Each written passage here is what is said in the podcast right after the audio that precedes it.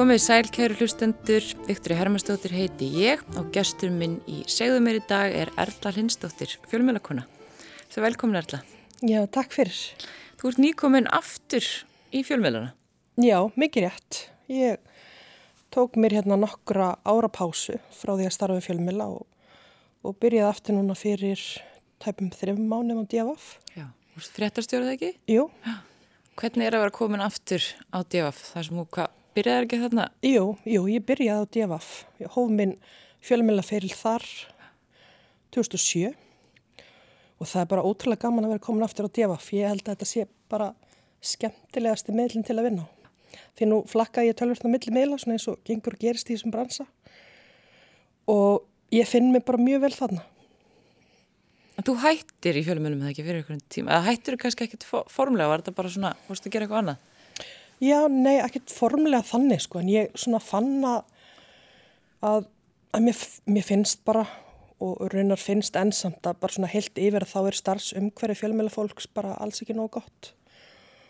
Og, og ég fann bara að hérna, mér finnst ég svona þurfa að gera eitthvað það sem að, þú veist, ég geti séð fyrir mér og mínum. Mm -hmm. og, og fór að vinna sem sagt var þarna í nokkuð tíma sem framkvæmstjóri Pírata og ég er unni sá ekki endilega fyrir mér að eiga afturkvæmt í fjölmila bara út af því að ég hef búin að vera að vinna fyrir stjórnmálflokk. Mm. Ekki það að það er náttúrulega fjölmörg dæmum að fólk gerir slikt en mér fannst það alls ekkit sjálfgefið og, og þegar ég fekk svo síntal bara frá Toppu, Toppu Marnur sem er rittstjóri, tók við stöttaður en ég var á þinn og spurði hvort ég vildi koma á DFF þá bara, já, leist mér rosa vel á það já. og Toppa er náttúrulega líka frábær þannig að það er líka bara fariðtind að fá að vinna með henni mm -hmm. Hvena byrjaður í fjölmjörnum? Sem sagt, vorið 2007, ég var reynda búin að vera aðeins svona reyna að koma mér að framfæri, var búin að skrifa nokkra greinar hér og þar mm. uh, er síðan ráðin sem sumastarfsmar á DFF uh, voru 2007 og fæði þarna fast ráningu um haustið. Bara í miður góðari? Já, miður góðari, já. og hvernig, hvernig fannst þér að koma inn í þetta fyrst, þetta starf? Áttu þetta vel við þig? Já, ég fann mig strax bara mjög vel og ég held að sé, sé þannig, þetta er auðvitað bara svolítið sérstakt, þetta þarf vel að vera lífstíl til þetta gangi upp. Já og þannig þess að sem ég tala um að þetta sé ekki alveg nável borgað en hérna uh, en þetta er, þetta er ótrúlega gaman þú veist, þegar þetta gengur upp þá er þetta rosa gaman og ég held að fólk finnir sér strax bara annarkort, annarkort er þetta fyrir því að ekki mm -hmm. Þú líka, þú staðið svolítið í ströngu í þunum starfi þú ert búin að fara þrýsasinnum í málu í Íslenska ríki fyrir, fyrir mannarstendadómstóli Evrópu Já. og unnið þrjúskipti ekki eini bara Íslandingurinn sem hefur gert það Jú og þetta er allt mál sem að, að eða þú hvað, skrifaður um á djafaf? Já, já. já. Þetta eru svona eftir á að higgja þá er þetta hálf ótrúlegt. Þetta eru mál, sko tvö af þessum málum eru vegna greina sem ég skrifaði annars vegar held ég eftir að ég hef búin að vera bladmar í mánuð já. og önnu greinin eftir að ég hef búin að vera bladmar í sko tvo til þrjá mánuði. Já og síðan síðasta greinin að það var stutt aður ég hætti á djefaf og þá sko fannst mér ég verið að passa upp á allt og, og verið búin að geima allar upptökur og allt og en það bara dögði ekkert sko. Það var bara að fara í málu mig fyrir það sem að viðmaldi minn sagði á upptöku sem ég gæti sínt fram á. Þessast vísað. Já. Þannig að þetta var mjög sérstakt en ég og þess að segja eftir að higgja þá sko uh, var þetta mjög gott að hafa farið með þessi mál út. Að það voru veist, eins og gengur gerst í fjölmjölum þá er alltaf verið að nýti mann mm. og, og, og þarna var þetta að nota sko að ég hef verið dæmt fyrir meðvirði og þar alveg var ég nú ekki góðu papir mm -hmm. en að fá síðan bara þessa viðkenningu og, og sérst í dómi mannið dómstólsins uh, hver meinum að einasta stendur að ég hafi bara verið að við hafa afskaplega góð vinnubrögð og mér þótti mjög vænt um það. Mm -hmm. Þá staðfyrstu hvað því sem þú kannski vissir já. þá þegar. Já. Mm -hmm. En hvaðan sprettur þessi fjölmiláfi? Varstu, varstu alltaf, langaði alltaf að verða bladamæður? Nei, ég eiginlega vissi aldrei bara hvað ég ætlaði að verða þegar ég er stór og, og það vildi nú satt að segja þannig til að ég, mm, ég var að vinna sem er ágjá á byggl og eitt samstarfsmað minn þar kannast við föðminn heitin. Þá hefur þeir verið gamlega skákfélagar og, og einhver daginn þá sagði þessi maður við mig, hann ekkert af hverju þetta var, en hann sagði, uh, akkur gerst þú ekki bara bladamæður? Og þess að pappi var bladamæður og rittstjóri, ja. bara stærstan hluta af sinnar. Og, og ég hugsaði bara svona, jú, það er kannski bara eitthvað sem ég ætti að gera. Þannig að þá í rauninni bara kviknaði sá áhugi. Já, byrjar þá sjálf að skrifa Svo talar um aðan, einhverjar greinar til að ekki aðtekla þér. Já, já.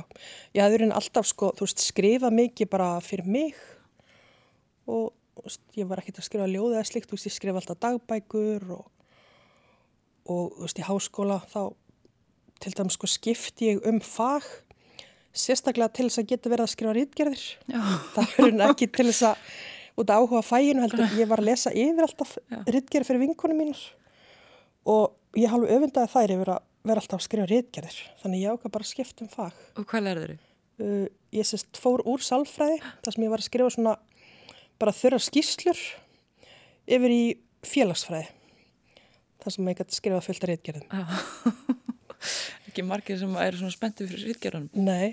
Nei En hvaðan ertu? Uh, ég er fætt í Reykjavík og bý í Breitholti í Hólakverfi þangu til að ég er nýjára þá var mamma búin að vera alltaf á sumrin að sjá um hótel út á landi og hún kaupir þá hótel á seðisfyrði þannig að nýjara flytjum við þangað en 13 ára komum við síðan aftur í bæin og fyrir þá sérst aftur Reykjavíkur og hér hef ég verið síðan mm. Varstu þá einn með mömmuðinni? Já, ég á sko tvo eldri halvbræður og þeir eru svo nokkuð eldri þannig að þegar við flytjum á seðisfjörð að þá verða þeir eftir. Þannig að... Í bænum þá? Já, já, já. Þannig að við höfum aldrei verið neitt svona sérstaklega náinn. Nei. En pappiðin, þú holst þá ekki upp með honum? Nei. Uh, hann og mamma skildu áður en ég varð einsás. Ég heldur ekki að þau hefði gift sig bara þegar mamma var álita mér og þau skildu síðan bara stuttu setna. Og varstu þá ekkert í miklu sambandi við pappaðin?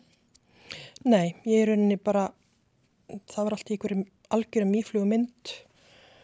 Uh, ég á einhverju svona, einhverja minningum að hafa farið með honum í göngutúr einhver tíma þegar ég verið kannski fimm ára. En það var ekkert samband og hann líka bjó heldur ekki sko á höfbruksvæðin, hann bjó ímest uh, á Reykjólum eða á Ísafyrði.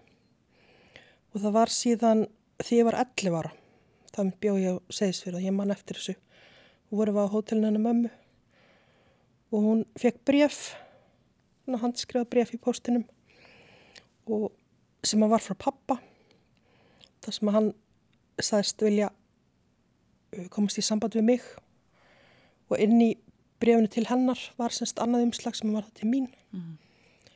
og já, þá er henni hófst okkar samband. Já, hvernig var ykkar samband? Það var hérna bara alls konar. Það var, stundum var það mjög gott en stundum var það ekki gott. Snúið? Já, það var snúið. Hvernig var pappiðinn? Pappi var henni svona maður mikil að öfga, má segja. Það var henni svolítið að, að þú veist, annarkort var allt algjörlega frábært eða þá það var algjörlega umlegt en hann var já, pappi var góðum maður, hann var gríðarlega grindur og fólk talaði alltaf um það hvað pappi væri afskapla vilgefinn og, og hérna, hann væri einhvern veginn eins og bara var þetta flett upp í honum eins og alfræðarabokk Var hérna, þú talar um hann hefði verið rítstjóri og bladamæður. Já. Hvar var hann að vinna þessi rítstjórið? Mm, hann byrjaði þessast uppalega sem bladamar á morgumbladinu og menna var nefnandi í MR svona dæmi gert. Ja. en síðan er hann í nú ekki alveg nákvæmlega með fyrirlin alveg á hreinu en semst þegar hann er komið til Ísafjörðar að þá er hann þar að vinna á bæði bæris besta og vesturska fréttablaðinu og semst var það rittstjóri og þegar síðan bærins best að byrja með VF þá var hann í rauninu umsjónamær vefsins. Fullarinn maðurinn sem var nú líka nokkuð merkilegt. Að hann var voða duglegar að setja sig inn í svona bara nýstu tekni og alltaf hann til dæmis uh, var ég ofta að eiga bara SMS samskipti við hann sko. Lunga árun og mamma var eins og komið með gemsa. Já. Þegar þú ert þarna 11 ára gömul og ferði að hafa einhver samskipti við hann er þá bara, er þetta svona, þú ert að hitta hann þegar hann kemur þá í bæin eða? Já, hann rauninni kemur ekki mikið í bæin en jú, þegar hann kemur í bæin og ég fór nokkur sem til hans og ég man alveg eins og uh, á Ísafyrði þá fekk ég sko, ég fekk í rauninni herbyggi íbúin hjá hann og hann kefti rúm og hillur og það var málað eins og ég vildi mm -hmm. en þetta var einhvern veginn, ég kom samt bara þarna þrísvar eða eitthvað En þú fannst það samt að hann vildi vera í eitthvað sambandi, já. Já, algjörlega. Og svo líða árin og þið eru bara í samband alltaf. Já. En hvað, þú hefur verið svolítið opinská með þetta á Facebook já. síðust ára, það, að, að þetta breytist allt. Já, já. Hvað gerist? Veikist hann þá eða hvernig? Hann hefur runni alltaf verið veikur en gengið svona misjaflega að halda því í skefjum. Og hann drakk líka alltaf mjög mikið og mjög illa. Og þetta var til dæmis bara ástæðan fyrir að mamma ákveður að skilja við hann eins og sé aður en að ég er hann einsás mm -hmm. það bara hún gæti ekki verið með hann á heimilinu. Já. og Þannig að já, ég held að þetta hafi bara svona stegmagnast í, í gegnum árin. Og, og eins og segja þú veist að við, við hittumst ekkit endilega oft af því að við erum ekki, veist við búum ekki í sama bæjarhlutanum eða landslutanum. Mm -hmm. Þannig að okkar samskipti eru voru mikið í gegnum síma og setna í gegnum tölvu. Þannig ég kannski sko upplif ekki endilega uh, allt þetta slæma en Nei. það kom alveg fyrir að ég mannar við kringum tvítisaldur en það var stundum að ringi mig fullur og vera með eitthvað leiðindi og ég manna, ég sagði bara vera, mér finnst það mjög óþægilegt og banum að, að ekki ringi mig þegar maður er fullur mm -hmm. hann, hann varði því? Já svona mestu leiti mm -hmm. En svo eignast þú dóttuðina Lófisu og þið, þið eruð í og hann, hann verður bara þáttakandi í ykkar lífi? Já, já. Ég er semst eina, eina badni hans pappa og dótti mín er þar lendi eina badnabadni hans. Og hann svolítið sko er, er þarna náttúrulega orðin bara svona eldri maður er orðin svolítið einangraður þannig séð félagslega einangraður þó hann sem ég virkur á netinu og slíku. Mm. En hann sínir okkur rosa mikið áhuga og ég finn það alveg að við skiptum hann máli og alltaf ég hitti fólk sem var að umgangast hann, þá tala hann alltaf um, eða þá sæði fólk að hann tala um að við værum raunni það sem hann lifið fyrir. Mm -hmm. Þannig ég laði alltaf mikla áherslu á að, þú veist, ég var alltaf að senda honum hveðjur, eins og til dæmis á Facebook, ég senda honum myndir af dóttu minni uh, á Facebook og sem takkaði hann mm -hmm. og það var þá til þess í raunni að hann gæti þá veist, verið að deila því með sínum vinum að hann ætti þarna fjölskyldu mm -hmm. og þú veist og ég gerði það mjög mikið að, að þú veist ef hann kom að hitta okkur til dæmis þá tók ég alltaf myndir að þeim saman mm -hmm. og sett á Facebook og takkaði hann og og hann var mjög ánað með það þannig þú veist ég gerði það í rauninni það er miklu miklu miklu fleiri myndir á Facebook af sko dóttur minni og afinnar heldur en dóttur minn og ömmunar Já. til dæmis Já. að þetta var bara eitthvað sem að, veist, ég, ég var markvist að gera mm -hmm. til þess að glæði hann Já. En svo fyrr eh, gerist eitthvað og, og, og hann það gerist eitthvað millir ykkar sem að verður til þess að, að sambandið hvað versnar Já, það er runni alltaf að koma upp ykkur svona uppákomur en síðan uh, er það haustið 2016 sem við erum að flytja, ég og Lósa mín. Og hann er rosa spenntur og langar svo að fá að sjá nýju íbúðun okkar. Og ég var alls ekki tilbúin til þess að fá neitt gest. Það var bara allt í kassum og við vorum alls ekki búin að koma fyrir. En hann held alltaf áfram að spyrja og, og sagðist hafa far var eitthvað sem getið skuttla honum til Reykjavíkur eina helgi og, og, og sérst kyrta hann tilbaka þannig að endan svona leti undan og leiðum að koma. Þannig að þetta var runni mun meira fyrir hann heldur en að ég hefði runni áhuga á ég að fá hann á akkurat þessum tímapunkti. Mm -hmm.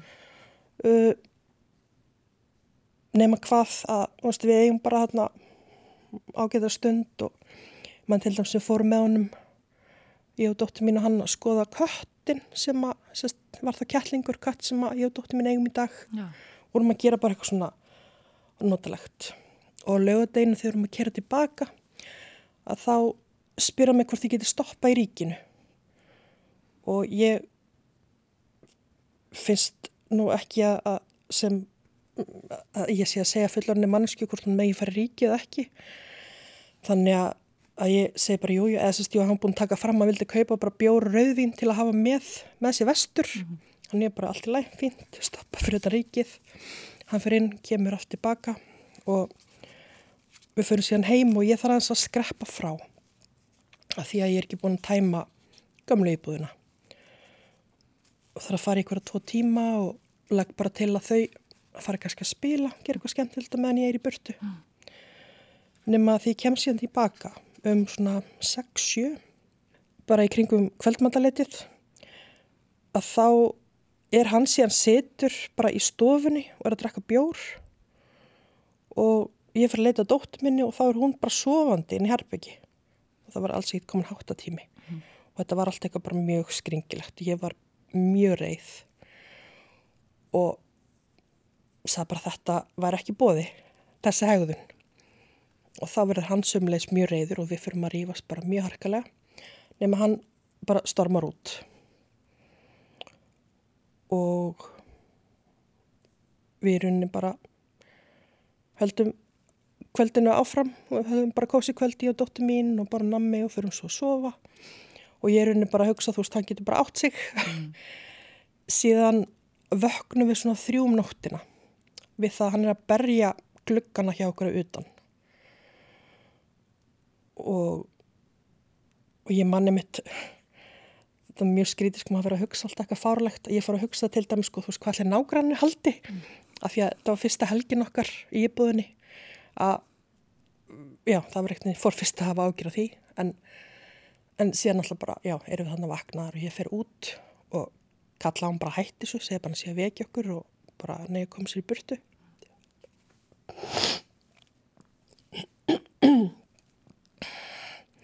En hann er bara, unni, bara alveg trilltur og er bara mökk alvaður og kemur unni bara og er að reyna að komast inn í íbúðina.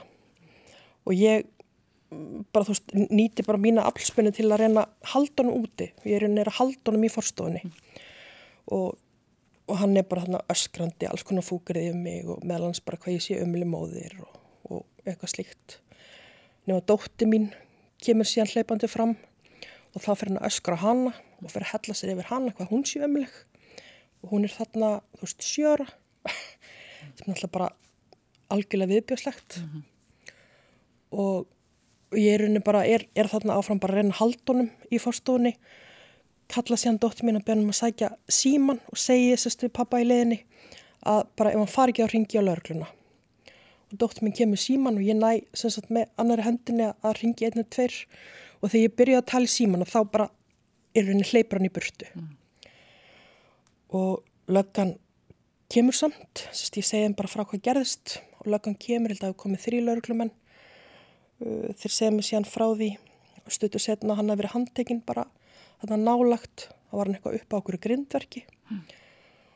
og var mjög viðskoteillur við handtökuna, þeir sérst fóru meðan það bara í fangakemslu en þarna var það komið inn í verklega lauruglunar að ef það koma upp eitthvað svona í rauninni bara kemur upp ábeld á heimili að það var kallað til fulltrúið frá barnavend og það var gert þarna um nóttina þannig að fulltrúið barnavend að kemur og tekur henni við til við dóttir mín að brenni hennar herbyggi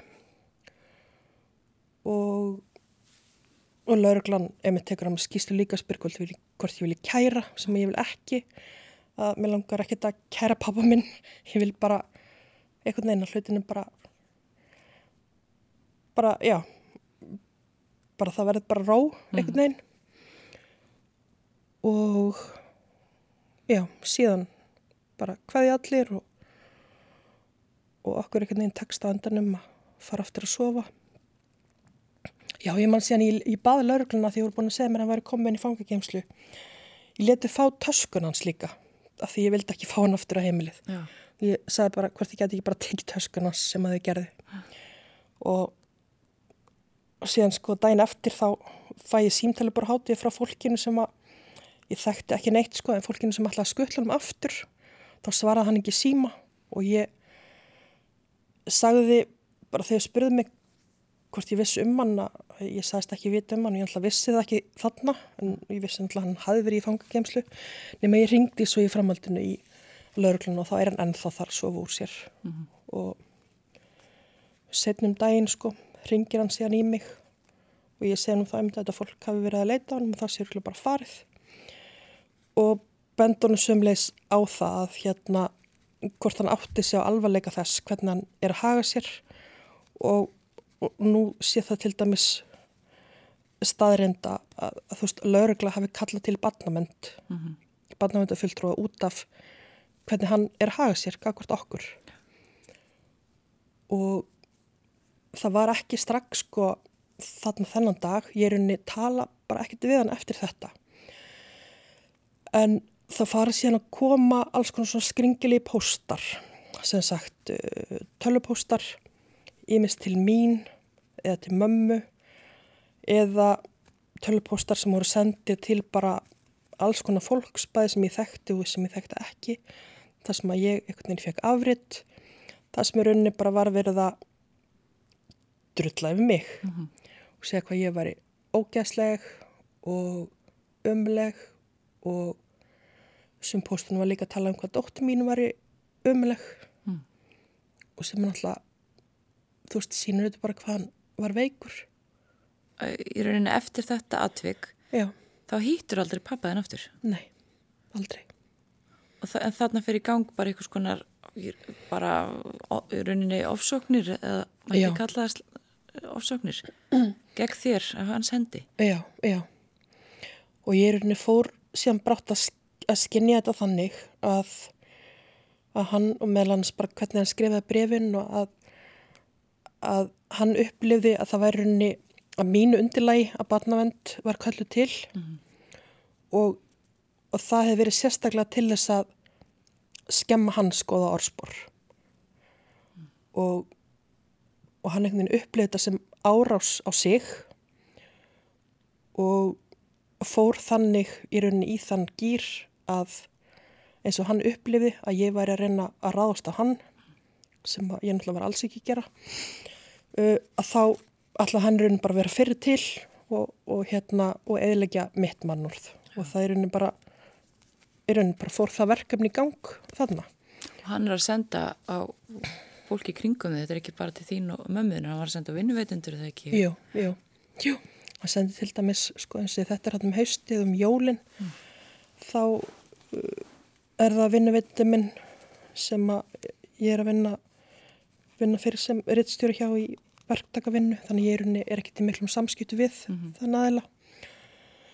Og þá segir hann mér að hann hafi síðustu mánuði verið að fá bara mjög óhuglega og óþægilega posta frá pappum mínum um mig. Mm í rauninni sko ég bað ekki um að fá sjá þessa posta ég vissi bara að það væri viðbjöður og sko á þessum tímum það var ég búin að stilla mitt eigi póstól þannig að allir pósti frá pappa hann fór bara sjálfkrafi urslpóstólfið mm -hmm. af því þetta var bara, þetta var orðið svo óþægilegt að þú veist ég var kannski bara emdi í vinnunni og var að gera eitthvað og allt hínum poppu póstar og ég ætla bara bara brotna alltaf niður mm -hmm. þannig að ég vildi bara frekar þetta færi urslpóstólfið en en stóð meðlega stundum að ég að kíkja í ruslpóstinn bara til þess að aðtjók hvort hann hefði sendið eitthvað. Mm. en semst já, þannig kom ég ljósa hann var búin að vera að senda vinnuveita mínum uh, alls konar skilabóð til þess að gera lítið um mér. Og, og vinnuveitundin bara segir hreinlega, ég spyr hann, þú veist, hvort að uh, hann upplifa að pappi hafi verið að gera mig aðvöluðsa mm og það var bara þannig. Þannig að það verið hluti af þessar róksherrferð gegn mér var að að reyna að gera mig aðvunleysa líka mm -hmm. og þannig að bara tekjuleysa einstaða móður sem er bara klikkað. Og hvernig er að upplifa svona af hendi pappa síns? Mm, mér leiði stundum bara eins og ég væri ykkur í bíomind. Þetta var svo óraunverulegt og ég upplifi líka bara svo mikið varnaleysi það, það er ekkert hægt að gera og ég sjálf sem fjölmjölakona og ég hugsa að það líka nokkur í sunnum að ég bara, mér fannst eins og ég væri núna manneskja sem að ég væri búin að taka viðtal við svo oft, ég er búin að taka viðtal við fölta fólki sem hefur verið ofsótt. Mm -hmm. og það, það gera engin neitt, það er ekkert að gera. Löggan ger ekki neitt. Þannig ég, mér dætt aldrei eins og huga hringi lögguna því ég vissi að hann myndi ekki gera neitt. Nei. Fólki í þessari stöðu er einhvern veginn algjörlega varnar lust Já. Ég rauninni var bara orðin opuslega þreytt andlega á tímabili og, og rauninni bara, já, var bara að reyna að útiloka þetta. Mm -hmm. En mamma, alltaf mömmur, fá alltaf svona aukinn kraft ef það verið að brjóta bönnuna þeirra. Mm. Þannig að hún einhvern veginn bara fór að reyna að ringja, hinga og þangað og vildi að tök hvort það væri hægt að gera eitthvað, alltaf var ekki hægt að gera neitt. Nei. Og þú veist, henni kom í hug alls konar sko... Uh, hugmyndir sem var ekki raunsætt að gera þú veist hún til dæmis tala um að það er bara reyna að loka á interneti hjá -hmm. þú veist hann geti ekki verið að senda alls að posta þú veist hann geti ekki verið að áreita mig og geti ekki verið að sko að uh, gera lítið um mér gaf hvert öðru fólki og lífa upp á mig. Og já hann var líka að ringja í fólk. Þannig að og mér fannst líka rosa óþægilegt að því að eins og þarna með vinnuvitamenni, ég heyr ekki af þessu fyrir en sko mörgum mánuðum setna því að við komandi bara fannst þetta mjög óþægilegt og var að vona bara að það myndi hætta. Mm -hmm. af því veist, þetta er bara óþægilegt að vill enginn tala um þetta. Nei. þannig að mér fannst alltaf mjög óþægilegt af því ég viss aldrei hverjum mann var búin að vera að senda svona post og hverjum ekki. Já, vitandi ekkert um mitt hvað hann hefur farið víða með þetta. Nei, Nei.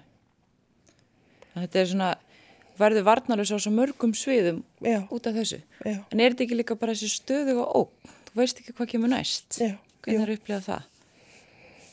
Það er bara, maður upplegað bara mátleysi. Upplegað bara algjört varnarleysi.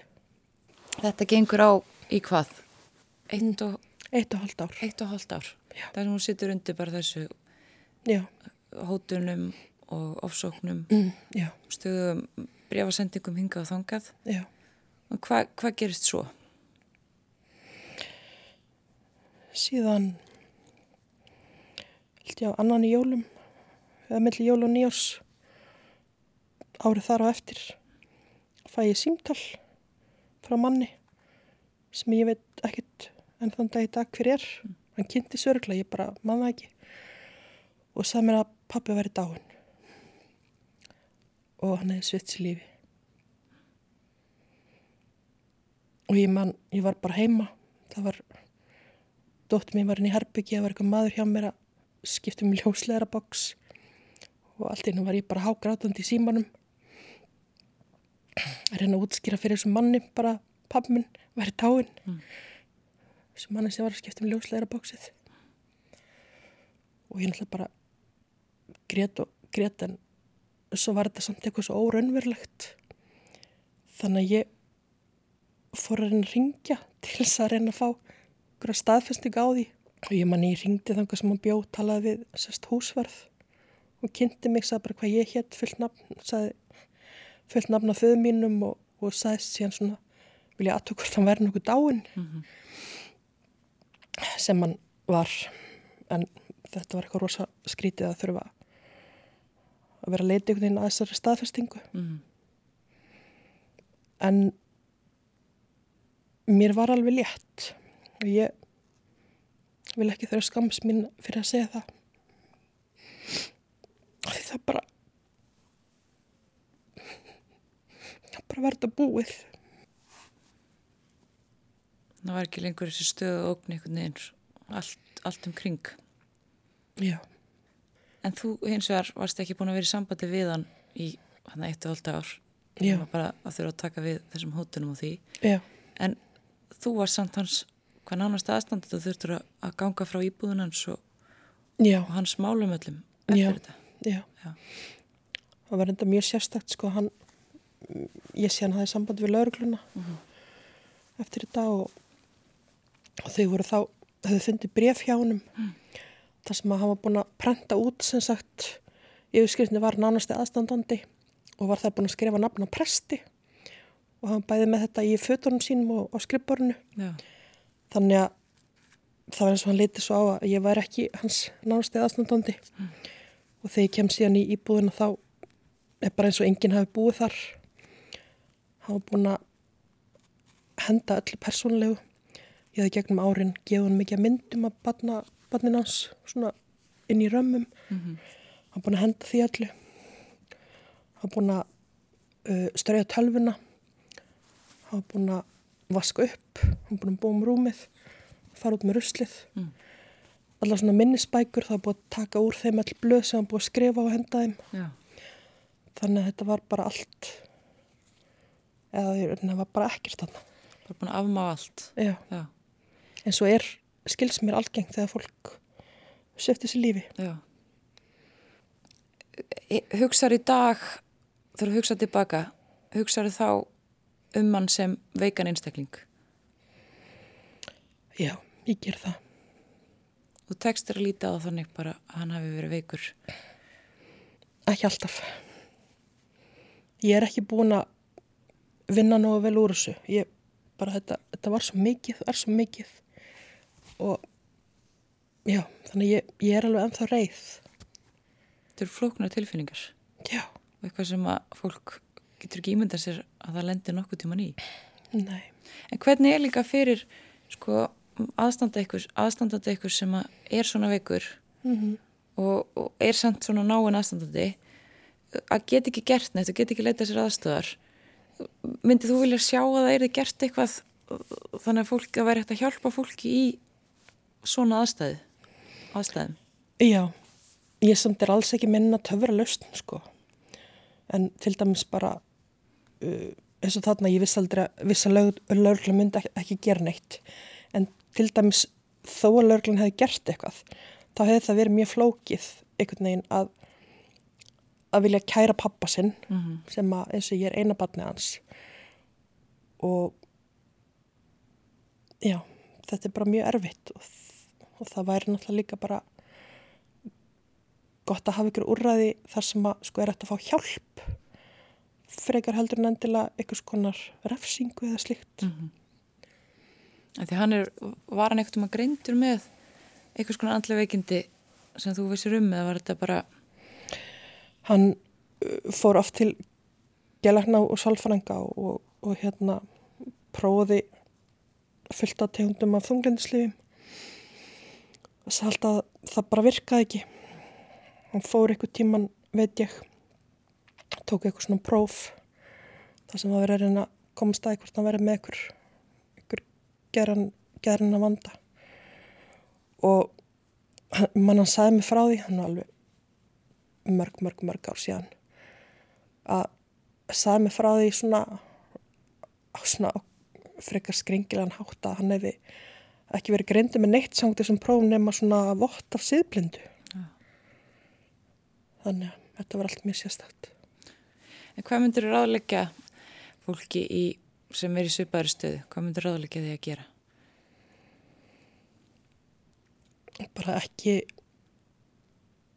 ég myndi ráðleggja fólki að vera bara ófeimið við að, að segja frá. Það því að þetta skammast maður sín og þetta er erfitt og og eins og þess að maður verður bara einhvern veginn máttlaus. En já, en nei, ég er, ég er ekki minnin góð ráð. Nei, en bara þetta að tala um það og vera ekki að vera ekki fyrirleg með það. Já, það er einhvern veginn ekki fyrir en sko eftir að pappi dó sem að ég fór að tala ofin skátt um þetta. Mm -hmm. Þetta er snúin stað að vera í svon spórum Já Erla Lindstóttir, kæra þakkir fyrir komuna í Segðu mér Takk. Takk fyrir að deila þessari reynslu. Takk fyrir að bjóða mér.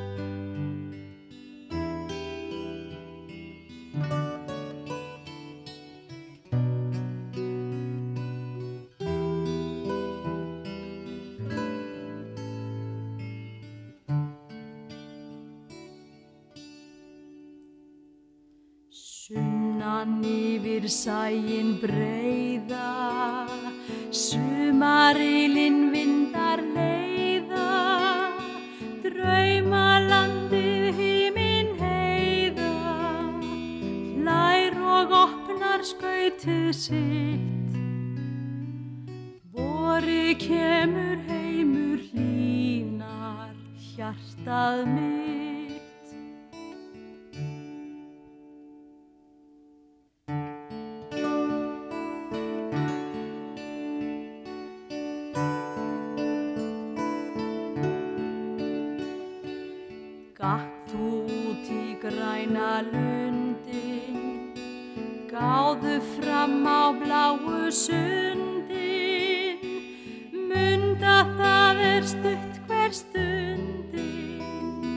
Stópult í arnestinni þitt. Vori kemur heimur línar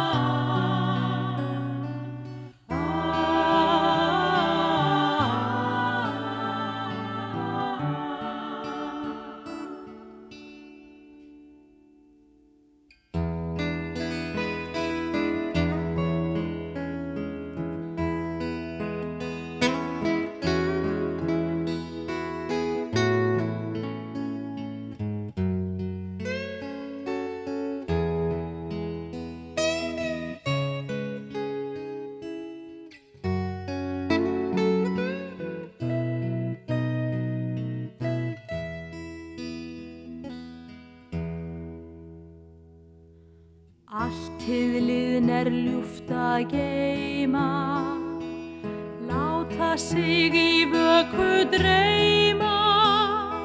Sólskinn stögum síst